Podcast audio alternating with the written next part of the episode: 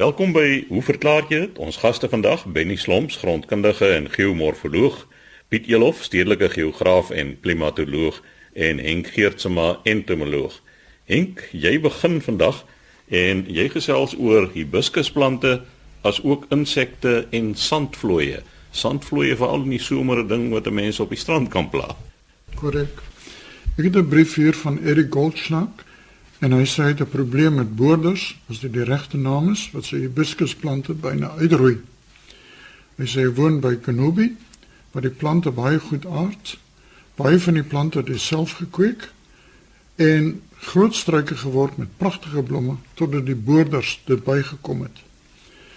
Nou wil hy weet, is dit 'n boorder, is dit 'n skoenlapper, is dit 'n kewer? Lê hulle die eiers op die plante of hoe kom hulle in die plante self? Dan sê kan van ons geleerde vriende my miskien help om te sê wat om voor te kyk en is die goggas aktief bedags of snags. En natuurlik soek ons weer 'n spuitmiddel. Hy moet net noem so sommige spesies plante minder vatbaar is vir die ewel. Dan word hy praat seker van verskillende kultivars. Dan sê gewoonlik sny die stammetjie wat besmet is oop, dan sit die larwe nog binne-in ook terloops van die plante kom van Sedgefield af en hy die probleem glad nie daar ondervind nie. Nou dit is so dat sekere insekte is geografies beperk. Is heel moontlik dat die probleem wat hy het in Gonubi nie in Sedgefield voorkom nie. Maar kom ons gaan terug. Nou sê die stammetjie wat besmet is, dan sit die larwe nog binne-in. Ongelukkig sê hy nie vir of die stammetjie droog is of nat want daar's verskillende groepe insekte op nat en op droë hout. Nou, mense kry byvoorbeeld die pragtkewers, Buprestidae en die langhoringkewers wat op nat hout sal voorkom. Dan kry mense die droëhoutkewers, die sogenaamde haalkorrelgatboorders. Dit's 'n baie lang naam. Die naam kom daarvan af omdat die uitkruipgate van die haalkorrelgatboorders lyk soos bokhaal wat die plant getref het, wat die stammetjie of so getref het. Maar natuurlik is daar ook motte wat houtboders is. Hulle lê gewoonlik hulle eiers by die groeipunt van die plant. Eiertjies broei uit en die larwetjies beweeg dan van die groeipunt af terug in die stam self in. Nou, dis moeilik as jy nie vir my 'n voorbeeld van die larwe kan gee nie, want van die larwe af kan ek aflei of dit 'n kewerlarwe is Lepidoptera larf en indien 'n kewerlarf watter groep. Nou, u vra kan 'n mens iets doen daaromtrent? Nou ek was gister hier by 'n groot wynplaas waar hulle 'n klomp vyebome het. En dit was baie interessant om te sien dat die stamme van die vyebome is nou toegewikkel met 'n vleergas.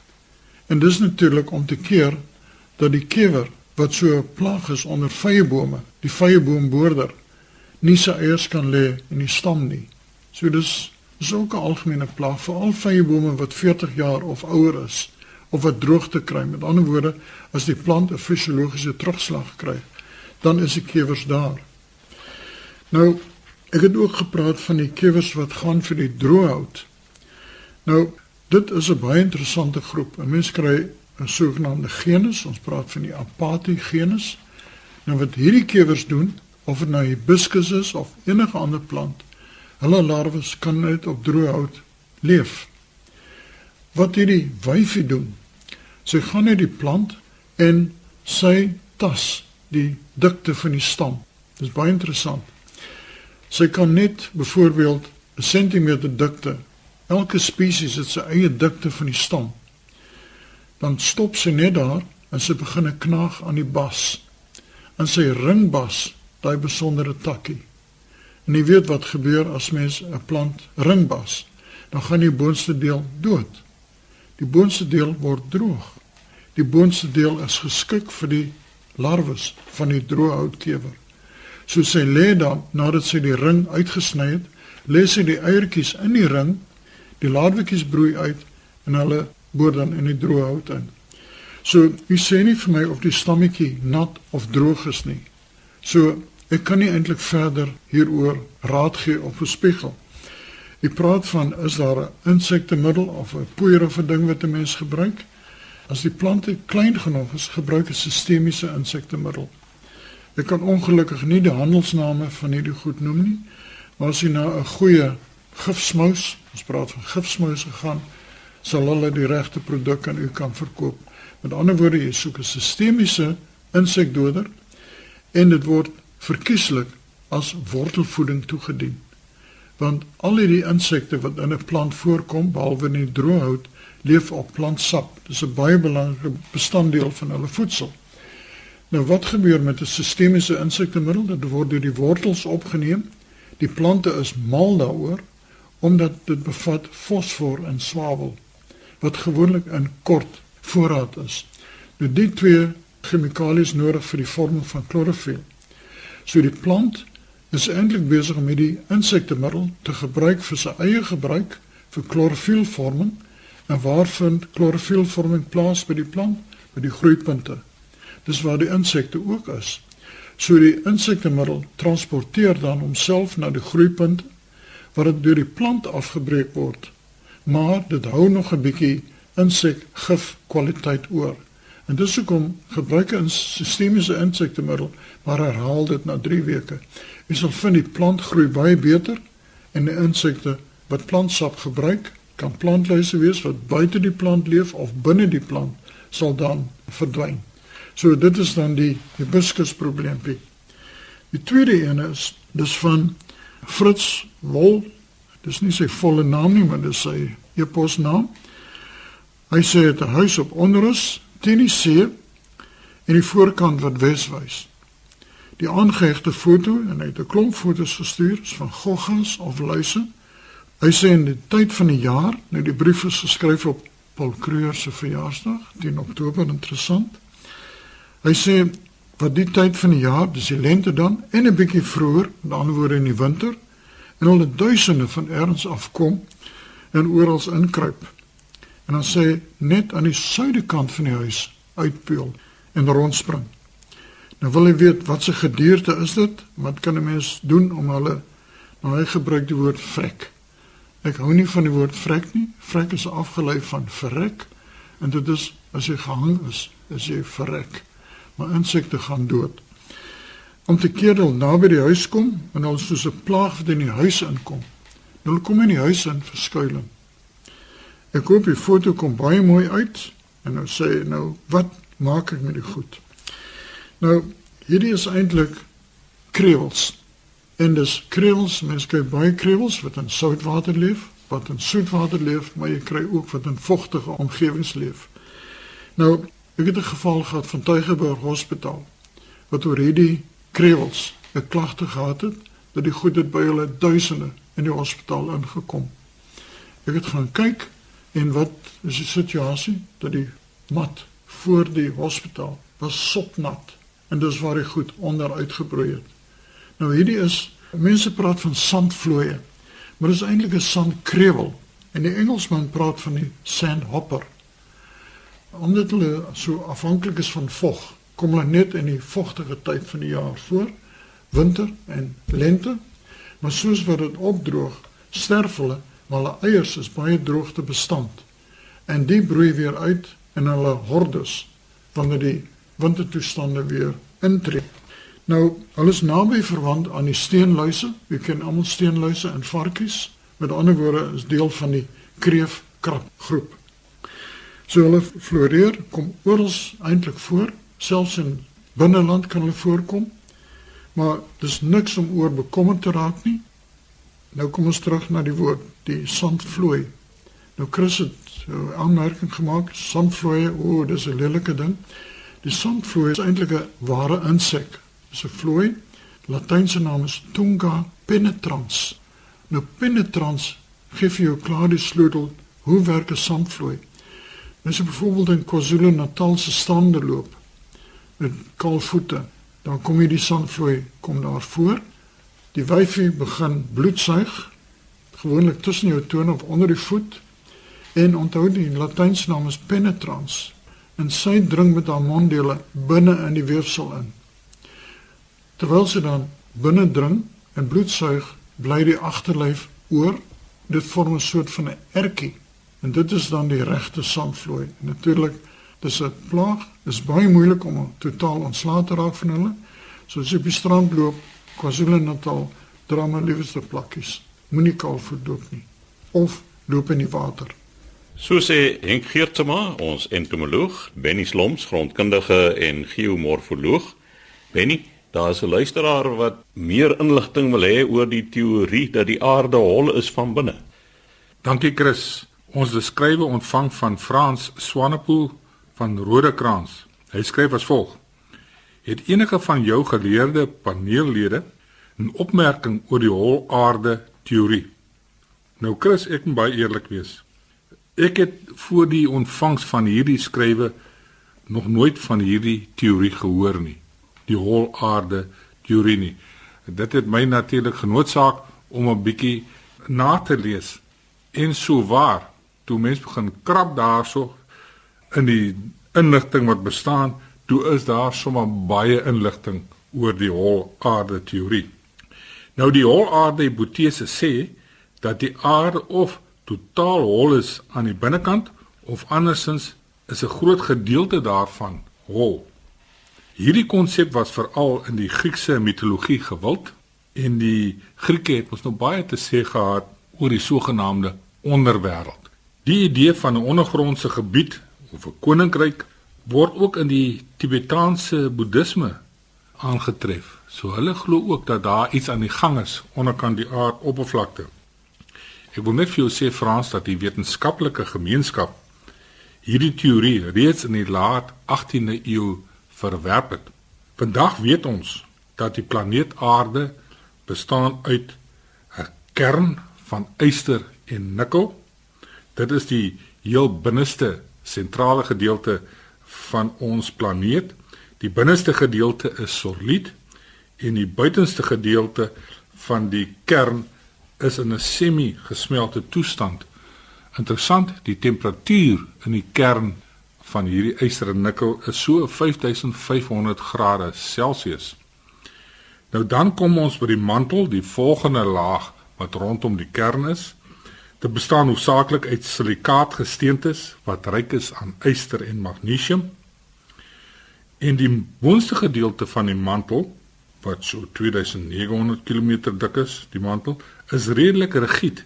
Met ander woorde, nie heeltemal so vloeibaar nie, terwyl die onderste gedeelte van die mantel in 'n semi-gesmelte toestand verkeer.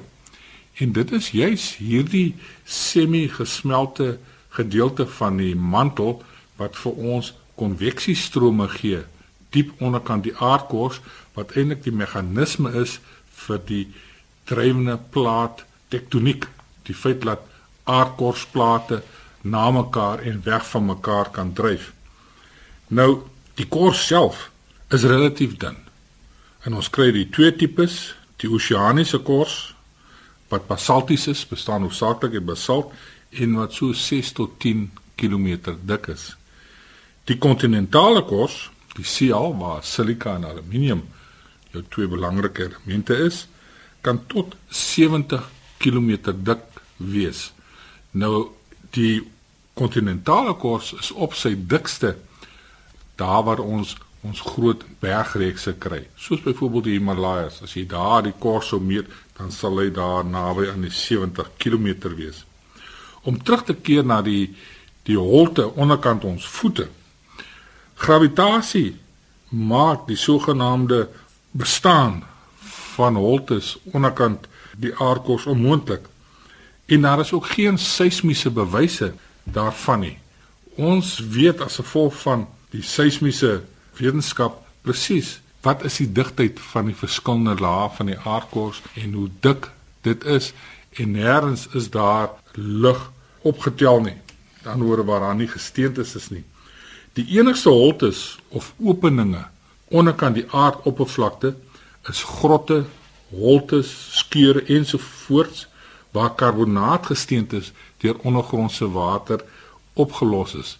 Ek het in die vorige program, verlede Sondag, het ek juis hieroor gepraat, maar hierdie tipe van holtes is baie na aan die oppervlakte. Ons praat van op sy diepste 100 200 meter, nie meer nie.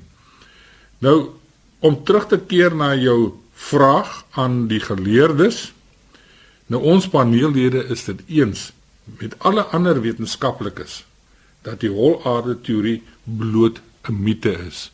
Maar dit is vir my verstommend dat dit nog selfs vandag so 'n groot aanhang het. Binne maar dis nie net die holaarde teorie nie. Dis ook die plat aarde teorie wat bestaan dat mense dink die aarde is plat. Daarvan het ons nou al redelik baie ook gelees en daar is mense wat tot vandag toe nog glo dat die aarde nie bolvormig is nie, maar dat hy plat is. Piet wat my uh, eintlik verbaas is uh, as 'n mens nou hierdie teorie sou aanhang, dan beteken dit jy gaan oplees daaroor en die internet is vandag natuurlik 'n wonderlike instrument om inligting te bekom bitter baie vinnig. Nou as jy op die internet is, is die alternatiewe sienswyse natuurlik ook onmiddellik beskikbaar. So al wat jy moet kan doen is om te kan onderskei wat is 'n mite, wat is 'n fabel en wat is werklik. So as jy nie seker is nie, kan jy nog altyd na buurman toe gaan of gaan na wetenskaplike of skryf 'n brief soos jy gemaak het hier aan hoe verklaar jy dit en jy sal op die regte pad geplaas word. Wanneer jy het gepraat van holtes wat in die boonste 200 meter van die aardkors gevorm word. Ek het in die myne gewerk so 1.5 km ondergronds kry mense ook wat ons noem pockets. Met ander woorde, as hulle sê 'n tonnel skiet onderdeur, dan kom jy op sekere holtes af. Met ander woorde, jy het eers wat ons noem 'n loodsboor wat dan kyk of daar water is vorentoe. En gewoonlik as hierdie holtes vol water, dan word die water uitgepomp en dan word daar verder met die tonnelontwikkeling gegaan. Met ander woorde, jy skiet dan die rotse uit by die tonnel uit te kom. En ek het eendag op so 'n tonnel gaan kyk. Dit is fabelagtig want die kristalle wat binne in daardie holte gevorm is. Dit ek meen as jy jou myn koplig daarin skyn, dit skitter en dit skitter, dit is werklik iets om te ervaar. So daai holtes kom ook diep in die aardkos voor. Heeltemal reg, Henk. Uh, die goed wat jy gesien het wat so mooi geblink het, Dis 10T1 kwartskristalle. Die silika vanuit die grondwater slaan neer en dit vorm hierdie pragtige kristalle. Jy sou hierdie holtes en hierdie kristalvorming kry op plekke waar daar 'n verskuiwing is. Met ander woorde, jy het 'n breeksone in die gesteente, soos die verskillende lae horisontaal of vertikaal ten opsigte van mekaar af beweeg. En sodra jy 'n swakheidsone het, dan kan chemiese verwering die wegneem van die materiaal deur water kan dan makliker plaasvind en dan later in die holte kry ons die vorming van hierdie kristalle. Maar dit is nie naaste by die grootte en die omvang soos dit beskryf word deur die aanhangers van die holaarde teorie nie. So sê Benny Sloms, ons grondkundige en geomorfoloog. Laaste aan die woord vandag Piet Elof, stedelike geograaf en klimatoloog. Piet, die plantseisoen in die somergebiede, wanneer begin dit? Chris, ja, ek het eintlik uh vanoggend so 'n bietjie van 'n potpourri hier. Ek het so drie briewe wat ek net vinnig op wil reageer. En die eerste een is van Chris de Wit af. Hy sê hy woon in Lady Smith in die Wes-Kaap en hy het 'n foto gestuur van 'n lang wolkformasie. Nou vra hy, die wolkformasie kom dikwels daarvoor. Ek het nog nie so iets in ander dele van die land of in Europa gesien nie. Wat is die verklaring daarvoor? Nou, Chris ongelukkig kon ek nou nie uit die foto uit presies aflei nie, maar dikwels as ons in die Karoo is en jy is baie ver daarvan af in Ladysmith nie, as daar vliegtye oor jou gebied vlieg, dan is die dampspoor wat hulle los, as hy begin 'n bietjie disintegreer en baie raak, dan kan dit vir jou so lank wolkpatroon gee. Nou as jy sê dit kom dikwels voor, dan mag dit dalk wees dat dit 'n roete is waaroor die vliegtye vlieg en dat hierdie dampspore daar voorkom. Ek sou graag eintlik nog meer fotos wou gesien het van daardie langwerpige wolk waarvan jy praat. En dan Benny, hier sal jy ook uh, vir my 'n bietjie met help. Hier's 'n skrywer van George Gerber af. Hy sê hy woon in Pretoria en sal graag weet hoekom die ou mense altyd gesê het dat dit nie voor die 10de Oktober moet reën nie. Is dit ou vollaar stories of steek daar waarheid daarin en indien wel, hoe bewys mense dit? En hy sê hy het met 'n vriend gepraat wat naby mielieboere bly. En hy het gesê dat dit nie so seer die 10de Oktober is nie, maar dat planttyd eintlik eers aanbreek na die eerste goeie reëns. Hy sê hy dink dit is seker maar net 'n dag waarop die ou mense besluit het aangesien dit Kreurdag was. Ons het net ook gepraat oor president Kreur se verjaardag 10 Oktober. Hy sê sou dit 'n verskil maak as dit goed reën voor die dag en of dit net 'n uh, legende is ont. Hy sê hy onthou wel dit se kinderdae dat Pretoria skou altyd stowwerig was en as dit sou reën in daai tyd dat ons 'n minder goeie reenseisoen het. Nou sê hy ook as sy suster golf speel, het sy opgemerk so 'n paar weke voordat sy nou gespeel het hoe die voëls hulle neste hoog bou. Is daar enige waarheid daarin? Nou ek gaan nie daaroor kommentaar lewer nie. Die feit van die saak is George, ek weet hier in die Weskaap en daar sal Benny vir my 'n bietjie moet help. Is my maand 'n kritieke maand vir die boere om koring te plant en te saai. Maar die feit dat uh, dit tot 10 Oktober moet wag voordat die manne mielies plant. Benny, wat is jou kommentaar daarop? Piet, ja, ek het 'n kollega gehad wat gesê het dit moenie reën voordat om Paul nie verjaar nie. 10 Oktober is relatief vroeg vir reën om te val in jou somerreënvalgebiede. En jou optimum planttydperk van mielies is eintlik in November maand en daar's ander kollegas wat gesê het 15 November is die plantdag, die optimum plantdag. Mielies het 'n sekere groei periode. En as jy te laat plant, dan moet jy ander variëteite begin plant en jou hele plantseisoen is omvergewerp. Maar verlede jaar, 2016, het die reën relatief vroeg gekom. Van die begin van Oktober het daar ordentlik reën geval in die somerreënvalgebiede. So daar's genoegsame vog in die grond en die boere kan hulle somergraanoeste insit. Dit is natuurlik ideaal as jy genoeg water het, reën het wat geval het sodat jy jou mielies kan plant.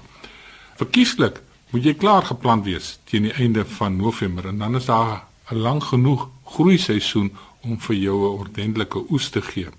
So ja, Piet, die ou mense het definitief gepraat van 10 Oktober as 'n kritieke datum, min of meer 'n kritieke datum wanneer die reenseisoen moet aanbreek, want dan werk dinge. As die reenseisoen eers hierso aan die einde van November begin Desember aanbreek, dan is daar probleme om betyds als in te kry en die regte variëteite te kan plant.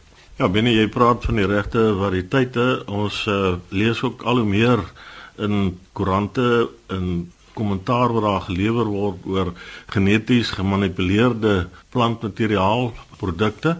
En dit is inderdaad so ook hier in die Weskaap waar daar ook graan baie graan geplant word moet die manne ook maar aanpas met die regte tipe plant wat hulle gaan gebruik. Partykeer as veral as jou reën laat kom en dan moet jy maar 'n uh, tipe koring as ek dit so kan stel plant wat 'n baie korter stammetjie het hy vorder vinnig tot volwassenheid en dan kan die manne ten minste nog 'n oes inkry as gevolg van die feit dat uh, die reën wel laat gekom het maar dat hulle nog altyd 'n uh, oes kan inkry daarvoor. Christian is hier 'n ander brief. Ja, 'n skuilnaam sal ek dit nou Matosius noem. Hier is 'n naam op die e-pos wat ek gekry het en wat my veral beïndruk het is dat hy sê hy was in Port Natal op hoërskool in Durban en hy het 'n dinamiese onderwyser in aardrykskunde gehad wat nou vir my baie inspirerend is soos wat hy ook gesê het wat hom geïnspireer het oor die bedreiging dat Suid-Afrika van 'n weste in 'n woestyn verander. Nou sê hy hulle het destyds met alle voorstelle gekom om hierdie verwoestyning, as ek dit so kan stel, te voorkom. En dan praat hy hier van rye peperbome in kanale ensovoorts. Nou as ek dit nie mis het nie, toesies, dan is die peperboom ook 'n uitheemse plant en deesdae wil hulle mos nou nie hê mense moet eintlik meer die goed plant nie, maar ons weet baie goed dat meeste van die plaasopstalle in die Karoo het 'n peperboom wat eintlik 'n pragtige ou boom is om onder te sit en 'n vleisie te braai. Nou, toesies ek moet nou vir jou sê dit is moontlik. Die manier waarop 'n mens gaan vasstel of die land besig is om in 'n woestyn te verander vanaf die weste is maar om oor 'n lang periode na jou ligkaarte of ligfoto's te kyk en kyk waar die plante groei, hoe dit verander het oor 'n lang tyd. Maar dit is nie onmoontlik nie. Ons weet dat tye verander en plante groei verander oor tyd. So byvoorbeeld het ons al voorheen gesels oor die feit dat jy in die Sahara woestyn is daar baie fossiel bome stamme wat jy daar sien. Met ander woorde, dit moes 'n omgewing gewees het waar daar baie vog was, genoeg reën en so voort. Daarom het jy daai woude gehad met daai dik boomstamme. Maar nou ja, Benny het ook al gesels oor kontinentale drywing, die kontinentale plate die beweeg so ja, dit is moontlik, maar soos ek sê, mense sal met oor 'n lang periode 'n bietjie kyk na ligfoto's oor plante groei en so voort. Nou dan, dan kom jy hier met 'n ander een. Hy sê jy het 'n voorstel dat begraafplase in die stede sê jy is oorvol. Sou daar nie iewers in die noordweste 'n nasionale begraafplaas geskep kan word nie. Nou ek is nie heeltemal seker waar hierdie noordweste is waarna jy verwys nie, maar uh, daar is baie praktiese probleme daaraan verbonde in die sin dat as elke ou nou die afgestorwene moet gaan begrawe in die noordweste, ons het mos nou maar die gebruik om van tyd tot tyd blomme op daardie grafte te gaan plaas. Hoe ver moet daai mense dan ry om dit te gaan doen? Nou sê jy ook dit kan 'n toeriste attraksie word. Ja, dit mag so wees. Ons weet in baie van die oorseese lande is die die begraafplase van oud soldate is eintlik omskep in 'n parkie met kruisies en grasperke tussenin en mense daar kon deurloop. Ek sou net nie in die nag daar wou deurloop nie want jy weet nie wanneer daar so wit laken daar uitkom uit daai omgewing en hy sê op elke graf kan 'n sitrusboom geplant word. En naasbestaaners kan elke jaar kyk hoeveel vrugte die boom of die boom draai. Nou dit is eintlik 'n baie snaakse voorstel wat jy daai het. Ek is bevrees ek sal nie van daai sitrusvrugte wil eet nie. Ja, dit was dan Piet Elof, ons stedelike geograaf en klimatoloog. daarmee het die tyd ons ingehaal. Skryf gerus aan ons by hoe verklaar jy dit? Posbus 2551 Kaapstad 8000 of stuur 'n e-pos aan chris@rsg.co.za